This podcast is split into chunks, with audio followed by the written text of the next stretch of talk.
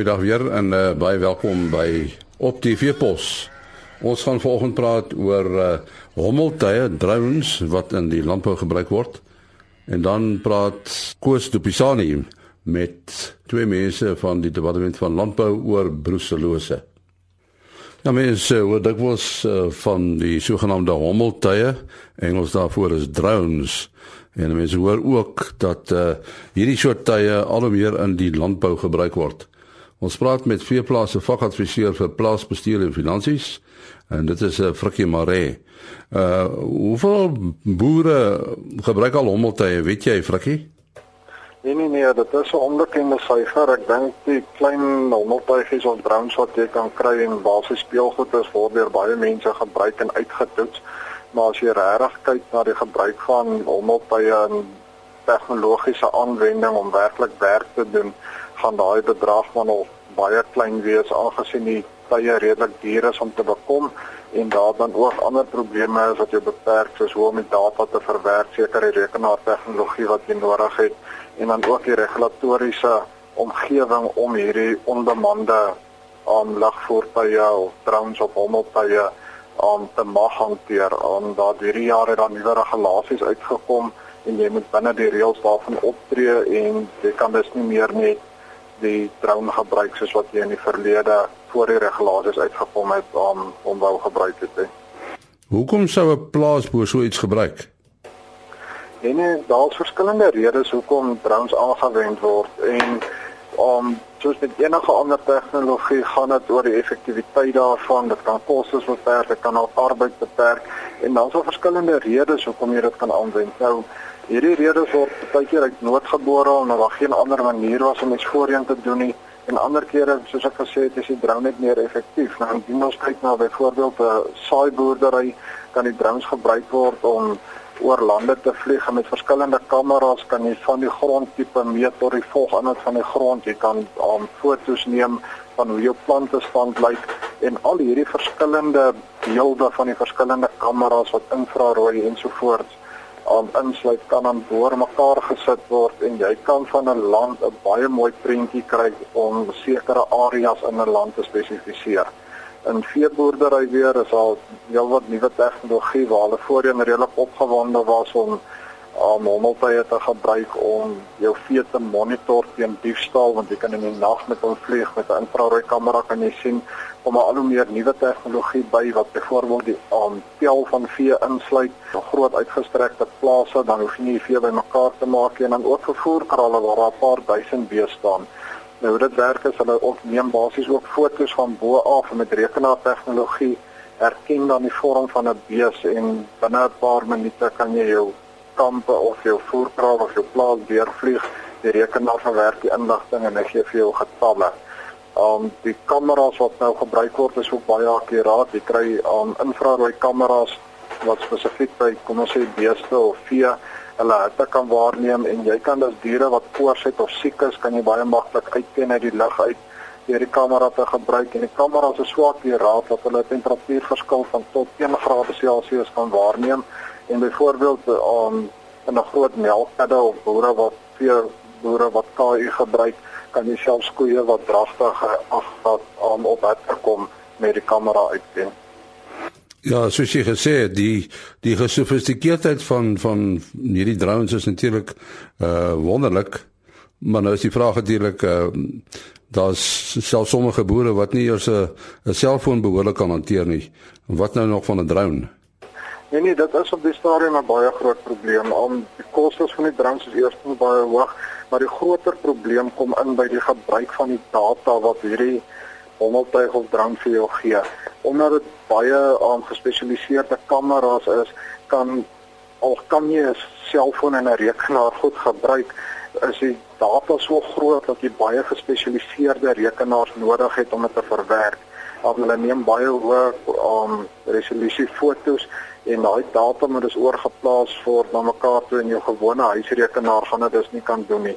So ek dink die gebruik van 'n drone deur 'n privaat boer op hierdie stadium en vir die volgende paar jaar gaan redelik baie beperk wees en ek dink dit gaan meer om um, maatskappye of konsultante wees wat drones besit wat dan konsultasiewerk vir jou kom doen en die beelde vir jou neem om die data verwerk en dan net vir die finale finale uitvraag van die um, data gee.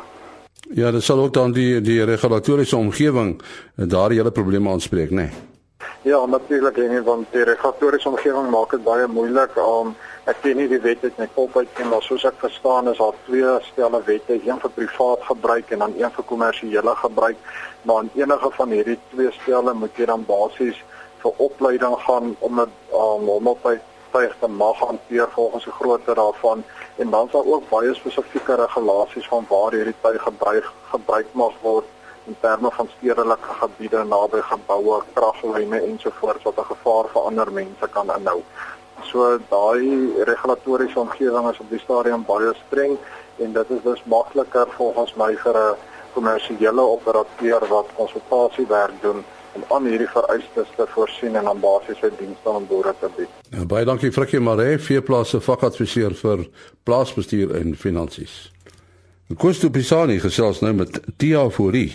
Sy is 'n dieregesondheidstegnikus by die departement van landbou. Tia, vertel gou vir my wat presies is brucellose? Brucellose is 'n bakteriese siekte wat by beeste, skape en bokke voorkom en dit is ook 'n zoonotiese siekte met ander woorde wat van die men, van die dier na die mens toe oorgedra word. Brucellose word staan ook bekend as besmetlike uh, aborsies wat die met ander woorde die koeie in hulle vroeë stadium aborteer. Uh, met ander woorde die, die hulle gooi die kalfie af. Uh, die hulle die siklus van die ehm um, die sy voltooi nie haar uh, dragtigheidsiklus nie. So ja, gewoonlik aborteer die bees die koeie van tussen uh sê so van 2 maande tot en met 4 maande. Dit het 'n uh soos ons weet is 'n ekonomiese impak met ander woorde die diere die daar kom nie kalvers aan nie. Wat is die uh impak van van brucellose op op op die verbruikers? Weet jy soos ek nou gesê die impak wat dit het is daar is as die, die koeie aborteer daar kom nie kalvers aan nie, so met ander woorde die populasie vermeerder nie. En by die melkbode is eh, daai melk word afgekeur. Dit kan nie vir menslike gebruik gebruik word nie omdat rou melk as jy die besmet is met mislike boorde word dit wel aan die mens oorgedra. So die mense raak siek daarvoor. En dan die siekte wat by mense voorkom is gewoonlik die maltakoors of wisselkoors. So die simptome wat dit by mense het is gewoonlik jy kry dis wisselkoors is maar wanneer jy warm en koud kry en ehm um, jy het lyfseer, dis basies soos 'n griep simptome wat jy het. Nou gesels ons ook 'n bietjie met uh, uh, Dr Gert uh, Kutse. Ehm um, hy is 'n veearts uh, van die departement. Uh, Gert, hoe lyk die situasie van brucellose in die Noordwes provinsie? Oor dan mes baie tipe plase het vandag die kommunale boere en die kommersiële boere, ehm um, is daar duidelike verskil in die voorkoms van die van die siekte. Kommunale boere sal ek so skat in die omgewing van 3 tot 5% voorkoms en kommersiële plase wissel baie van streek tot streek. Ehm um, maar die gemiddelde voorkoms van die siekte binne die Noordwes provinsie is 15 tot 20%. Dis nou nogal besonder baie. Hoeveel boere behoort aan hierdie brucellose skema? Baie boere neem nie deel aan die gratis diens wat die staat verskaf nie weens verskeie ekonomiese redes daaromtrent. Stoetboere is baie noodsaaklik dat hulle deelneem daaraan want enige stoetveiling moet die beeste getoets word vir BM en die kudde moet negatief wees voordat um, so 'n kudde mag verkoop word. Is regtig kommerwekkend dat nie meer boere wil deelneem aan die skema wat die staat bied nie, um, want dit is heeltemal gratis en ons kan so die hele land se gesondheidsstatus net baie verbeter. Tiana, sê vir my jy, jy weet nou elke dag met die met die mense werk. Ehm um, wat doen julle nou presies om om die situasie te verbeter, om om brucellose te verminder? Weet jy gewoonlik altyd wat ons doen is ons uh, woon boere in die vergaderings by en ons gee 'n uh, 'n uh, 'n toespraak oor uh, brucellose en die gevare wat dit vir mens en dier inhou. En dan is daar ook uh die staat verskaf ook uh enstowwe wat voor met ander woorde wat die siekte kan voorkom soos stam 19 enstof en RB51. Stam 19 enstof is net eenmalige in, uh, inenting wat jy gee van tussen 4 en uh 6 maande of 8 maande. En dan RB51 kan geënt word van um tussen 4 en 10 maande, dan weer op 'n jaar en dan weer 2 maande voor die vers na die bul toe gaan, kan jy haar weer ent. Ehm um, stam RB51 is 'n uh, ehm um, hoekom jy nie SAM 19 moet gebruik nie is want daai enstof kan as jy in 'n latere stadium die die vers end en jy toets haar as sy klaar gekalf het kan sy 'n vals positiewe uh, toetsing ja, ja. gee. Met ander woorde dan wys sy sy's positief maar sy is eintlik nie. En gewoonlik het sulke diere het laat titer tellings uh, van sê van 12 tot 36 wat basies vir dag is. En ehm um, so dan is dit baie kere is dit dan om om daai toestand te bepaal, maar is dit 'n enstofreaksie of iets regtig uh, is hy positief is baie duur. So die beste is dan om volgens die gebruiksaanwysings maar die die enstowwe te gebruik en dit help dan dat die die siekte dan verder versprei. Maar ek kan ook sê die enstof is nie altyd 100% effektief nie.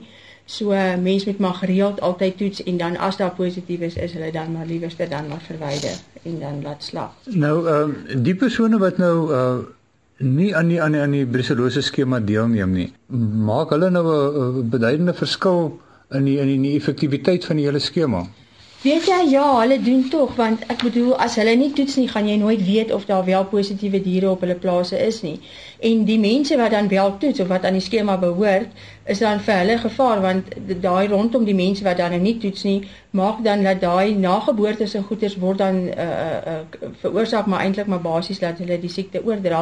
En baie kere as hulle uh die mense wat skoon diere het en dan 'n dier wat positief is wat weerskante van die draad is, daai dier lek gewoonlik die beeste lek mos maar gewoonlik mekaar en dan lek hulle aan daai kalf en daai kalf se bloed dra dan die bakteriese siekte oor aan die ander dier en so raak hulle dan besmet. So ons probeer nou maar in ons omgewing waar ons is, maar asseblief om die die die gemeenskap te vra om te toets want dit is gratis hulle betaal nie vir die toetsing nie, hulle betaal nie vir die uh, reis nie, hulle betaal nie vir ons vir die arbeid en sulke goed nie. So dit is 'n gratis dier wat die die staat aan die die mens uh, aan die boere verskaf om dan die siekte te bekamp. Dit was 'n uh, koers Dupisani wat gesels het met uh, Tia Fourie, 'n dieregesondheidstegnikus van die departement van landbou. Daarmee ook die einde van ons program. Tot maandag, alles van die beste. Mooi loop. Ah.